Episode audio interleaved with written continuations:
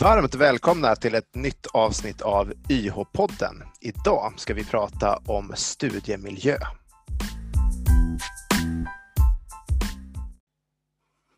Ja, och idag sitter vi på tre olika orter, men så är det ju dessa tider. Corona som vi kanske kommer in på lite längre fram också. Men idag har vi en gäst också, Sofia Stenfeldt, som eh, är YH-lärare och arbetsmiljöexpert. Välkommen Sofia! Tack så mycket! Ja, och vi ska väl prata om studiemiljön idag. Eh, och i slutet ska vi försöka och ge er några exempel på lite skrämmande miljöer vi har sett när vi har varit ute hos anordnare. Men innan vi kommer dit så kommer vi att prata om många andra saker och framförallt eh, Sofia, varför ska vi bry oss om studiemiljön? Jag ty tycker att det finns tre huvudskäl att eh, man ska bry sig om studiemiljön som anordnare. För det första för att eh, man måste följa arbetsmiljölagens krav på, på arbetsmiljö även för studenterna. Eh, att de ska ha en vettig Eh, fysisk, psykisk och organisatorisk arbetsmiljö. Så, så lagstiftningen, ett skäl. Eh, andra skälet är att, eh, att man vill sina studenter väl. Det, det, vill ju faktiskt de allra flesta anordnare. Vi vill att studenterna ska ha det bra så av, av rent så moraliska, etiska skäl. Och det tredje, ekonomiska. Eh, där man har en bra studiemiljö så tar fler examen. Eh, så det är ett bra sätt att också få upp examensgraden trygghet i, skapar bättre arbetsresultat. Eh, det finns det jättemycket bra forskning på. Mm. Jag funderar på, jag vet inte Tobias, du har pratat om det här också. Vad är, arbets, är liksom arbetsmiljö och studiemiljö? Är det samma sak? Eller? Ja, det är väldigt lika, eh, förutom att det stavas olika. Man kan säga arbetsmiljölagen som gäller för alla arbetsplatser, den har, har ganska mycket krav på vad som är en god arbetsmiljö och de kraven de gäller också för Eh, elever och studerande i alla utbildningar utom förskola och fritidshem i princip. Så, så kraven gäller. Sen så finns det också några delar i arbetsmiljölagen om hur man ska jobba eh, i samverkan mellan fackförbund och arbetsgivare och sådär och de gäller inte på samma sätt för, eh, för studerande. Men hur arbetsmiljön ska vara, det, det kan vi ställa samma krav på. Och eh, Ja, det är bra. Då har, vi fått, eh, har jag rätt ut det. Eh, Tobias, eh, förstod du det här nu? Ja, ja men det tror jag. Jag, jag sitter och så här, tänker lite grann på, betyder det att vi ska göra kontorsplatser till alla anställda? Eller liksom, behöver vi, alltså, är det verkligen så långt eller hur? Alltså det, det här med kontorsplatser är inte riktigt känt för att vara en bra arbetsmiljö heller, så kanske Nej. inte. Nej, det är sant. Ja. Ehm, men, men man kan behöver nog se över hur det är på, på i en del klassrum och, och, inte bara klassrum, det handlar också om ytorna utanför med, med toaletter och, och matrum och möjlighet att liksom eh, vila och sådär. Just det. Mm.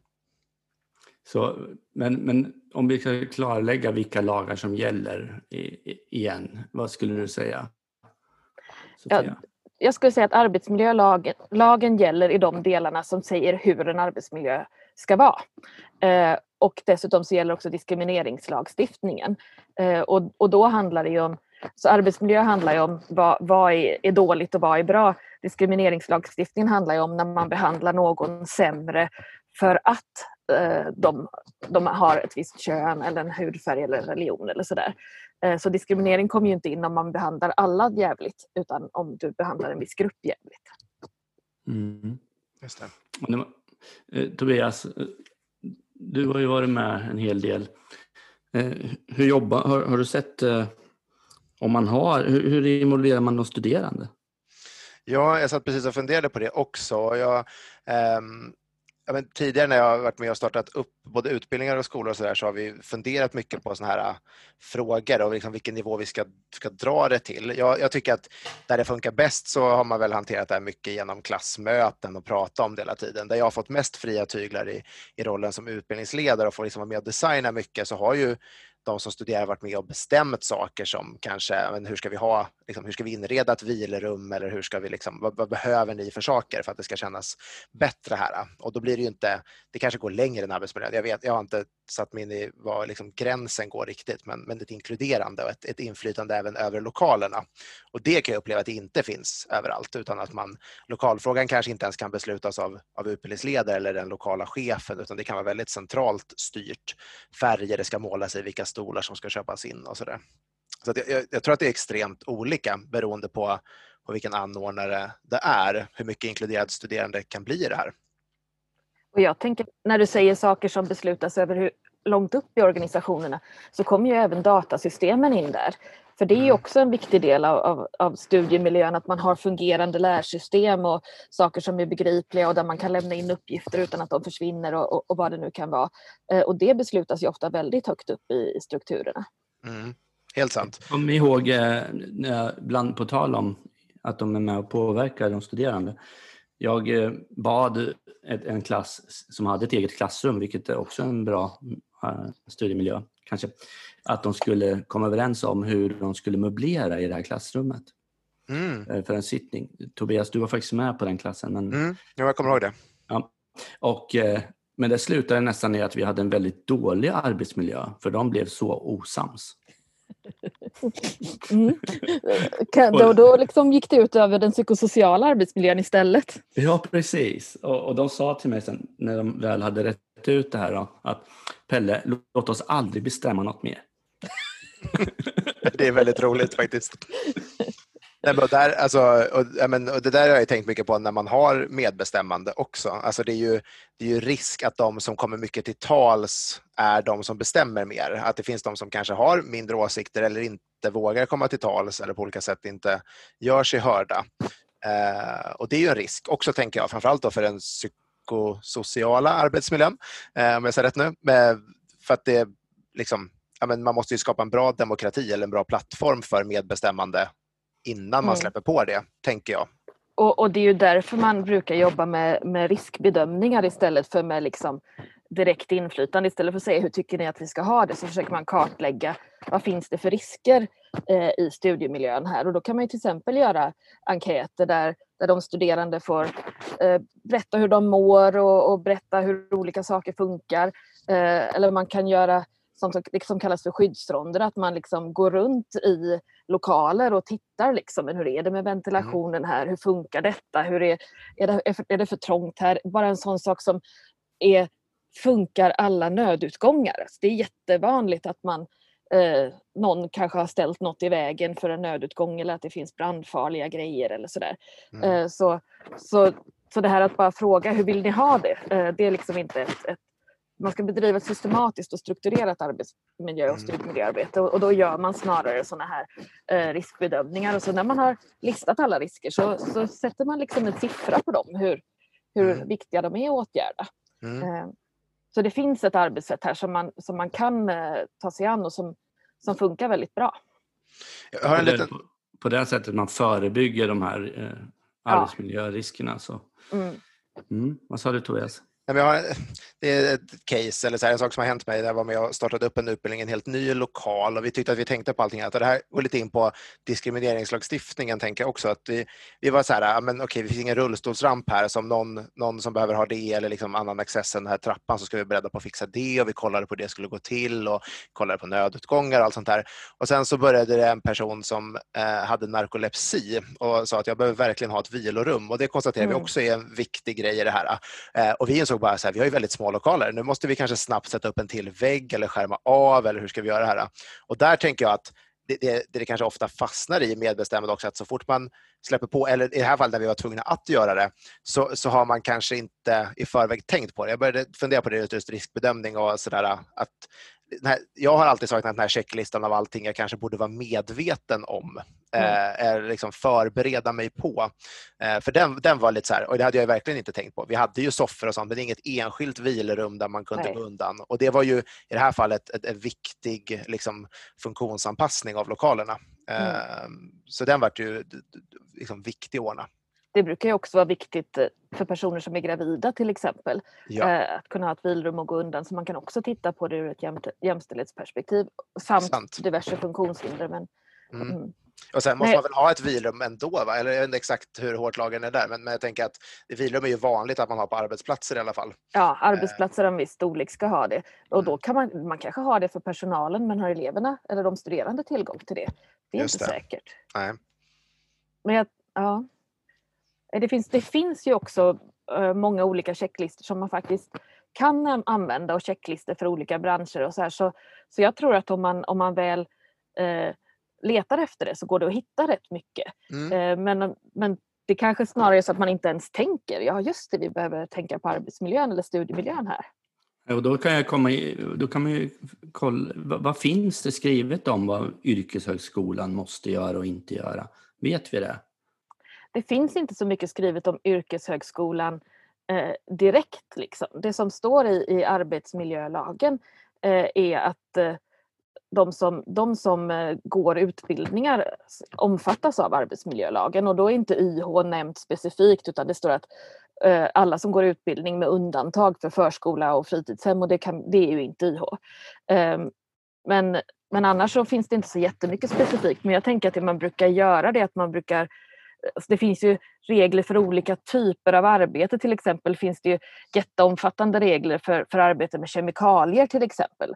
Då finns det, det kallas för AFSar, eh, Arbetsmiljöverkets föreskrifter. Så har man en utbildning i kemikalieteknik så kan man ju titta på dem där. Har man en utbildning som är mer liksom sitta med dator, då finns det sådana som är för, för liksom Eh, skrivbordsarbete och då kan man titta på dem och, och man kan titta på liksom sådana som är för, för skolan och sådär. Så även om det inte kanske finns regler som är rakt av YH så finns det mycket man kan ta hjälp av. Ja, och jag, Tobias, du får säga om jag, ser, du tycker annorlunda, men jag har inte heller sett något i regelverket för YH, alltså lagförordning och föreskrifter.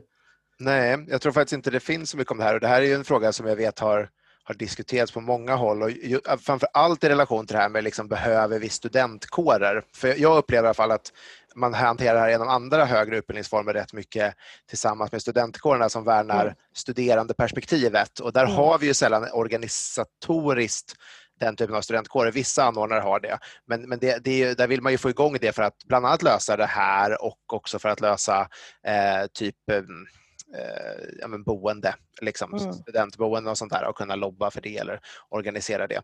Eh, så jag tänker att överlag så finns det nog inte så mycket eftersom det inte finns organiserat allmänt idag. Eh, jag, jag har inte sett något jag har letat igenom heller. Jag tänker också studentkårerna på, på universiteten, de växte ju fram över väldigt lång tid.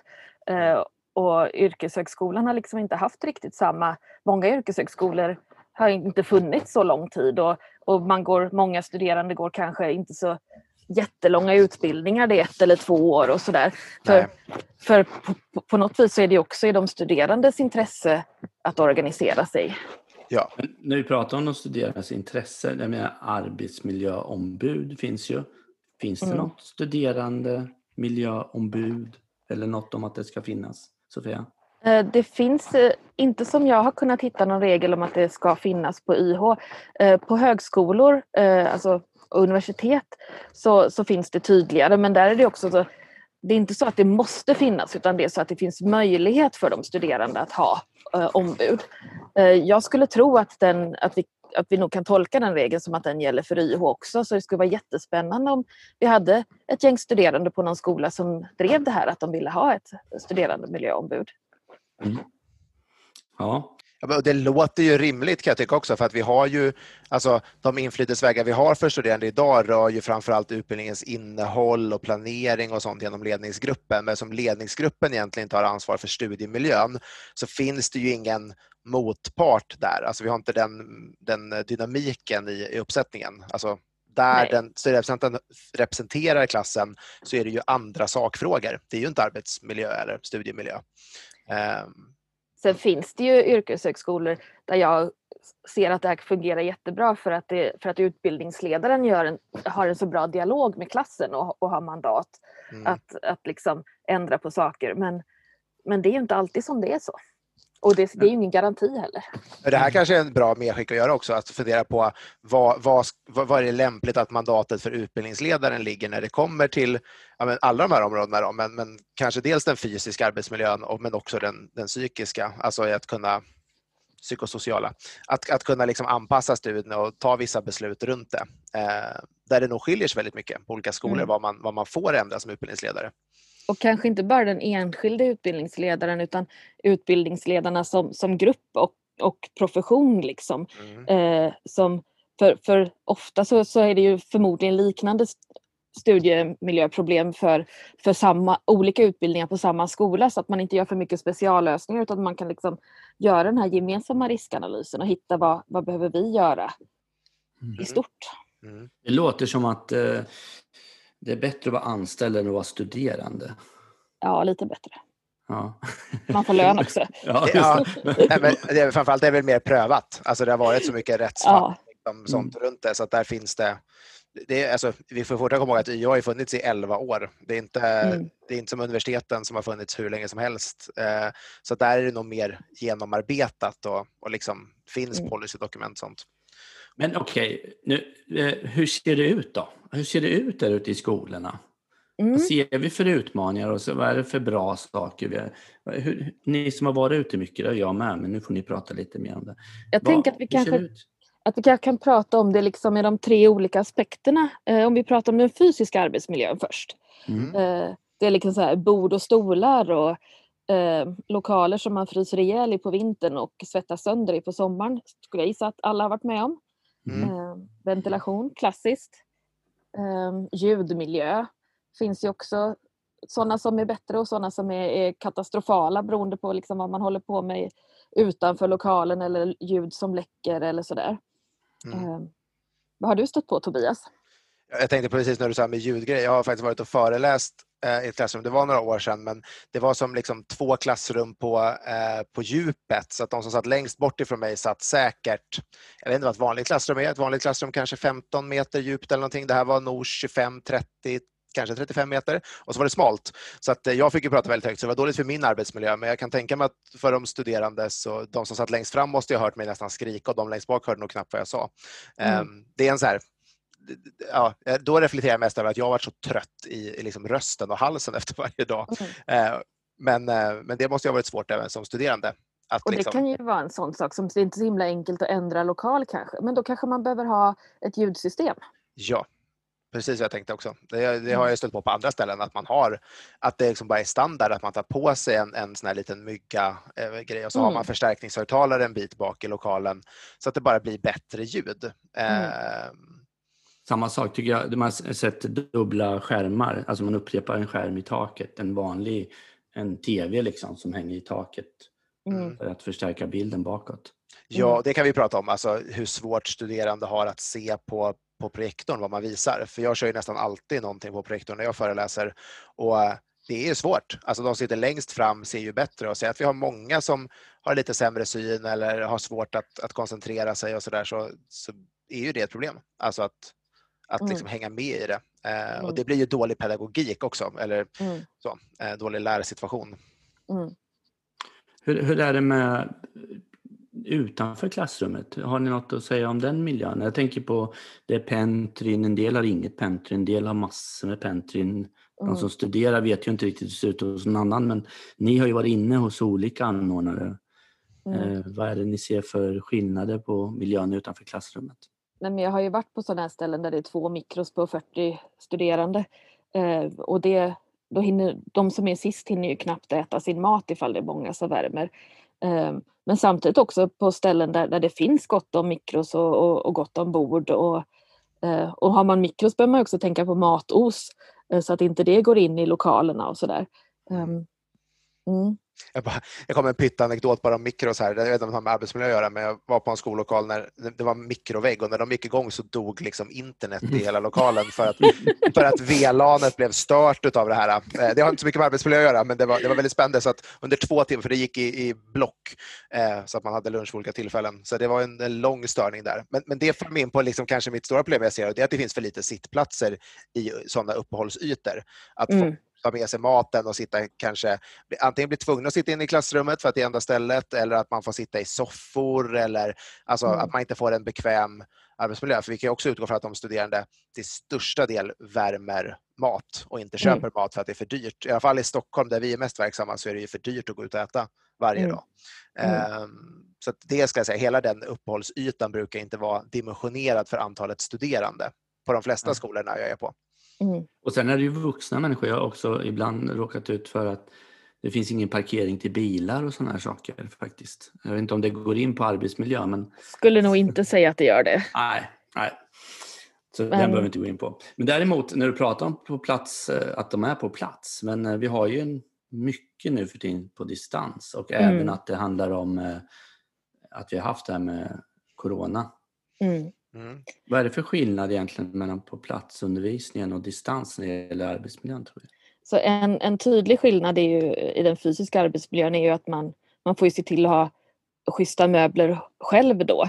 Eh, vilket för en del förmodligen är jättemycket bättre än på skolorna för att man kanske har en, en bra stol hemma och så för en del är det tvärtom mycket sämre. Eh, så, så det blir ju svårare att, att, att ha koll på hur folk har det. Men jag skulle säga att den största, också även med, med utrustning, men många skolor bygger ju på att man ändå, de studerande ändå har sin egen dator och så, så kanske inte jättestor skillnad i, i utrustningen. Eh, men jag skulle säga att det är i den psykosociala arbetsmiljön som är den största skillnaden på distans eh, jämfört med på plats för att man riskerar att försvinna på ett helt annat sätt. Eh, att bli en ensam satellit och inte ha kontakt med, med andra eller med skolan och, och sitta väldigt själv eh, med saker som man ja, eh, inte får, att man liksom inte får någon social arbetsmiljö. Eh, Och det går ju att hantera men det kräver ju mycket mer på, på distans, att man jobbar mycket mer aktivt med det. Mm. Och också som, som många studerande på yrkeshögskolan som kommer antingen från gymnasiet eller från yrken där de liksom har haft ganska styrt eh, arbete där man ja, på olika sätt har vetat vad man ska göra och vilken tid och, och sådär. Och så kommer man in i den här miljön där man behöver ta väldigt mycket ansvar själv. Då blir det ofta väldigt, väldigt ensamt. Både socialt och svårt med hur, hur ska jag liksom få koll på det här med stressen liksom och planeringen. Mm. Och den här övergången Tobias, vi har ju fått, vi har jobbat en hel del med övergången då under corona. Mm. Såg du några utmaningar där? Ja, alltså, jag- måste nästan ställa en fråga först. För att jag funderar på, eftersom jag har ett arbetsmiljöansvar liksom, i ett företag också, så det här med att när corona ställde om så hade man ju eh, ansvar för arbetsmiljön för de anställda på hemma. Om- de var, liksom, jobbade hemifrån så har man ju ett Mhm. arbetsmiljöansvar där också. Det är ju inte rimligt att skolorna ska ha det, tänker jag. Nej. Eh, Men, men jag har också sett skolor där som också gått ut och informerat för att hjälpa till och ge tips och det tycker jag är en bra grej. Alltså det, Mm. det tror jag fler kunde ha gjort ännu tydligare och kan göra nu också för det är ju stor del på distans här under hösten också. Men, men att man har gått ut och sagt så här, men tänk på hur du sitter och tänk på ljus och tänk alltså, så att du inte blir trött och sitter i soffan. Och, alltså, så att man liksom ändå får en, en seriösare eller en ergonomiskare, kanske bättre ord, em, arbetsmiljö. Så det, det är en, en reflektion. Det andra är ju jag tänker på stressen det har skapat hos folk att ställa om till distans. Där Mm. vi har jobbat väldigt mycket med liksom, tydlig, väldigt strukturerad information, att det går ut hellre flera gånger, att man har en samlingspunkt, att man inte ska ut och leta i 14 system efter vad man ska in just den här dagen. För det tror jag också många som har blivit, fått en negativ bild av omställning till distans som jag pratat med, där, där är det ju mer att de känner sig förvirrade, att det inte finns någon kontroll. För innan så var det så här, klockan nio i det här klassrummet och schemat var det Mm. centrala. Och nu var det liksom, klockan nio har ni en lektion och så var hittar jag den länken och var, var lämnar jag in saker och hur pratar jag med läraren och hur kan jag stanna kvar på lunchen och prata? Liksom. Ja, Mm. De där grejerna. Plus hela den sociala biten, att de inte Mm. pratar med varandra. Men, men den är ju den kan jag uppleva är svårare som anordnare eller som föreläsare att, att uppmana till. Jag gjorde så i vissa lektioner under våren att jag sa så här, men jag stoppar inspelningar och sånt under era pauser så kan ju ni passa på att hänga här i, i Zoom eller Teams eller Google Meet eller vad vi körde eh, och liksom prata med varandra. Och då var det vissa som, som satt där och pratade och så lovade jag att stoppa inspelningen så att de ändå fick en liten kontaktpunkt. Eh, Mm. och det hjälpte ju lite. Liksom. Men, mm. Jag tänker, det är ju inte så heller att man som anordnare ska, ska ta fullt ansvar för de studerandes eh, sociala liv och att de har kompisar och flickvänner och pojkvänner och allting. Eh, men, men hur man lägger upp eh, studierna så att det finns möjlighet för dem att, att eh, liksom lära känna varandra. Och det kan ju bara vara det. Men, gör man, gör man små gruppdiskussioner i, i de olika distansverktygen, det går ju att göra. Gör man, skickar man ut dem i grupprum på Zoom, låter man dem ha olika gruppprojekt och, och, och sådär, att man ser att det ändå finns kontaktytor. Eh, alltså, och jag tänker på det när du säger i vanliga fall i klassrummet klockan, klockan nio. Det, att börja, gå över till distans det är lite som att helt plötsligt bara vara i en annan byggnad men om man inte berättar för någon var den byggnaden ligger så, så är det ju liksom ja, lite så. det som blir problemet. Och var fikarummet finns istället nu då när det inte finns ett ett, ett ja. på plats fikarum. Var, var finns det ett digitalt fikarum? Ja, men där är kul. Det är två grejer som vi har testat upp med olika anordnare. Det ena var ju under våren där, där den utbildningsledaren på en utbildning började köra ett, ett fast fikatid. En liksom mm. fika mm. med klassen online. Alltså alla fick sitt eget fika och sitta med kaffe, men att det var en, en, fast tid som det var ett litet digitalt fikarum uppe och det var ju otroligt uppskattat. Alltså det gav ju mm. eh, massor av liksom input. Den klassen var ju, alltså de, de vart nog mer sociala med varandra på det sättet. Eh, mm. En annan sak jag tänker på nu när vi håller på att starta upp utbildningar, vi är ju precis i uppstarterna där vi faktiskt i vår planering jobbar mycket med det här med små gruppdiskussioner tidigt på de här distansgrejerna och, och liksom, det, det är små mm. grejer. Man kan verkligen bara ta fem minuter av en distanslektion om verktyget tillåter det. Eh, och det, det ger väldigt mycket tror jag. Det, mm. det är verkligen värt att tänka på. Mm. Ja, det är helt klart var en, en en övergång som heter duga kan man ju säga. Mm. Och vi kommer lära mycket av det också tror jag. Mm. Ja, ska man summera så tror jag att det är alltså, information. Alltså gå ut med mm. ännu mer information och hellre lägga information på tre ställen än att tro att folk hittar till det digitalt. För det är nog den största stressen folk har känt nu, att de inte vet var de ska leta.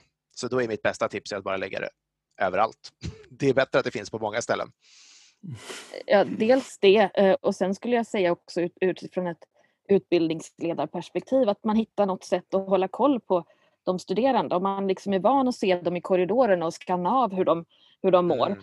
Eh, så kan man ju inte göra det. Så, så hur, hur hittar du det istället? Liksom? Har, har du någon form av sådana digitala fikan eller har du, chattar du med folk eller, eller vad gör du? Hur hittar du ditt sätt att känna av eh, klassen och de studerande? Mm. Ja, vad bra. Tiden går. Eh, för den här podden också kan jag säga. Mm. Så att eh, vi ska väl försöka avrunda lite grann. Eh, men eh, vi lovade ju lite eh, intressanta studiemiljöer så här i slutet. Är det någon som känner för att börja? Eh, jag, jag, kan, jag fick en fråga från en, en studerande idag eh, om, en, om en studiemiljö. Vi ska då vara i en lokal som som ingen av oss har varit i, i tidigare. Eh, och den här studerande skickade en fråga till mig och frågade hur varmt eller kallt det är i lokalen så han vet om han ska ha shorts eller inte. Eh, det tyckte jag var... Jag tyckte kanske att han får, får, får själv ta, ta ansvar för eh, ehm, sin klädsel. Men det visar ju vad folk ändå funderar på. Jag tänker att det diplomatiska svaret är att skicka en länk till några såna byxor som man kan köpa, man kan dra av och knäppa på undre delen av dem så att de kan vara Ja, jag kände, kände kanske inte att, jag, att, att, att, att, så mycket ansvar behövde jag ta för, för arbetsmiljön. Nej. Vad, ble, eh, vad blev ditt svar då? Alltså han frågade också om det fanns eh, lunchrum och mikro, så det tyckte jag var en, en fullständigt rimlig fråga. Mm. Det uteslöt två, en fråga alltså? Na, men nu är det också så att, att här är jag inhyrd som, som lärare och har, det är utbildningsledaren som har koll på lokalerna, så jag hänvisade till utbildningsledaren. Mm. Men det är spännande, alltså alla den men jag tycker det visar att en studerande kanske inte alltid heller förväntar sig allting och vet vad de kan kräva av en studiemiljö heller. Eh, det, det, det, är en bra grej. Eh, så man kanske inte kan kräva temperaturen, men man kan ju åtminstone, man ska ju förvänta sig mikro till exempel. Och sen tänker jag att vad det här egentligen handlar om är ju trygghet. Mm. Eh, om, man kan, om man kommer till en utbildning och känner sig liksom trygg med, med lokalerna och med informationen och organisationen, då är man ju då är man ju liksom öppen för att lära sig. Mm. Eh, och man blir, stressnivån går ner, man får bättre resultat. Så, så då kan det vara sådana där saker som, som man kanske tycker är jättefåniga. Eh, som att till exempel informera om hur kaffemaskinen fungerar. Men som mm. kan vara jätteviktig för, för folks trygghet för att man får sådana där små detaljer att, att hänga upp det på. Mm. Jag kan ju berätta om eh, en uppstart som gjorde, och det har jag sett på flera ställen, men det här var det extremt. Alltså vi, anordnaren var lite för sent ute, det var ett bra tag sedan, eh, att eh, projektera sina lokaler. Och, så vi hade inga bord och inga stolar Mm. när de studerande kom. Vad gjorde ni? Ja, ja man får improvisera då och Ja. eh, ställa in dem. Man får ju köra någon ringövning eller något sånt där. Då. Att, eh, att det liksom, man, man, på tal om vad du sa Sofia, att de ska känna sig trygga. Mm. Jag tror att eh, om de väl känner sig trygga så kvittar det hur den här miljön såg ut. Mm. Det var ju mer att vi, de fick ju vara med och eh, sätta upp bord sen och sådana saker. Så Mm. det blev ju gruppövningar. Man fick ju vända det till något bra och installera sina datorer Mm. och sådana saker. För då på den tiden hade man ju inte bärbart. Mm. Eh, så, men, men som utbildningsledare som jag var då, då blev man ju lite stressad. Men jag tror inte de studerande eh, tänkte så mycket på det. Fråga aldrig. Jag ville inte prata om det. Jag ville bara. Nej, men jag har varit med om en liknande sak också. Alltså det, där, där löste det sig väldigt bra, men vi hade- fick också leveransen av borden fredagen innan måndagen de skulle starta. Sen hade vi skruvat upp rätt mycket innan, men vi gjorde faktiskt lite av teambuilding-aktivitet runt, runt att liksom inreda lokalen och så, för att det var helt nytt eh, på, den, på de eh, lokalerna. Eh, Så jag tror att man kan vända sådana saker också. Eh, Mm. Och där, jag måste bara glida, för det var varit en väldigt bra slutlösning där, för vi, hela den studiemiljön, där, där tog vi ett annat perspektiv när vi designade hela lokalerna och det var väldigt roligt för då tänkte vi så här, men de ska uppleva att de kommer till en, en miljö där de kan jobba praktiskt och så där. Det här var en IT-utbildning. Så då tänkte vi lite mer som smårum och som arbetsplatser och som skrivbord och så där. Sen byggde vi en föreläsningsyta som komplement till det. Så att vi tog den största delen av lokalerna till, till mindre rum och arbetsplatser och så där och hade lyxen att göra det. Alltså det, det lokalerna var lämpade för att behålla väggar och så där. Eh, och det, det funkade väldigt bra. Det gav ett helt annat, en, en annan inställning till det. Vi fick som effekt att studerande satt kvar hela dagarna. Alltså vi ville ju ha den, vi hade ju plats för dem. Eh, så de satt gärna där åtta timmar om dagen som ett kontor och sen var det föreläsning en liten del av dagen där man gick iväg till föreläsningsrummet. Eh, så jag tycker man kan vara lite kreativ åt det hållet också och kanske inte designa en skolmiljö som en skolmiljö bara. Och det tycker jag är extra relevant när det är yrkeshögskola. Att man faktiskt kan titta på vad det är för yrke de ska finnas i och hur ser det ut där. Så för också underlätta övergången till, till LIA och, och till yrket sen, att man kommer in i den typen av miljöer och det sättet att jobba. Men precis som där, man, man är faktiskt på jobbet och sitter och pillar med datorn åtta timmar och sen har man något möte ibland. Eh, det är precis så det ser ut på väldigt många arbetsplatser. Mm. Mm. Sen finns det ju också hantverkare och eh, Mm. andra byggarbetare och sånt. Ja. Precis, och, då, och, då, och de, där tror jag att, det, att de är bättre på att anpassa, men även sådana Ja. finns säkert de som sitter alldeles för länge stilla och lyssnar. Mm. Ja, Det kan inte vara lämpligt för någon att sitta i ett relativt trångt klassrum på en hård stol sex timmar om dagen för någon. Så. Nej, nej. Eh, Och det är väl ofta så vi schablonplanerar utbildningar. Mm. Ehm, Så kreativitet är nog ett bra sätt. Sen är det risk att det kreativa gör att det inte blir bra arbetsmiljö också. Mm. Det, det händer ju. Eh, jag har sett många sådana här byggda lokaler där det liksom eh, blev en pelare mitt i rummet eller liksom whiteboarden hamnar i ena änden och projektorn i andra ändan. Så att som lärare får man springa igenom rummet och liksom byta och så får alla vrida sin stol. Alltså, ja, jag, jag har sett Vilket i och för sig kan vara rent ergonomiskt väldigt positivt för ett, ett av de stora problemen är att man Ja. sitter i samma position stilla för länge. Ja, det är helt sant. Men det var, det var en utmaning att planera sina dagar för till slut så var jag tvungen att tänka sig jag vill gärna vara en kvart på varje ställe och inte springa så var tredje minut emellan. Liksom. Ja, men det, det är kreativa lösningar och så får man vara kreativ i planeringen när man kommer till de här lokalerna. Precis. Hade du stegräknare? Ja, det borde jag haft, men det var, det var väldigt spännande hela den. Liksom. Ehm, Ja, men, ja. Ja. ja, men vad bra. Eh, Vi avrundar. Jag vill tacka dig Sofia att du var med. Det var Mm. jättekul. Fick lite expertkunskaper här eh, i ämnet. Och jag tänker att om det nu är några yrkeshögskolor som är så här shit, det här har vi aldrig tänkt på så får man jättegärna höra av sig till mig så kan jag vara bollplank. Mm. Mm. Och du finns ju här på Klok. Jag enkelt. finns på Klok, precis. Mm. Okej, tack ska ni ha. Tack, Vi hörs i nästa podd. det gör vi. Hej. Hej.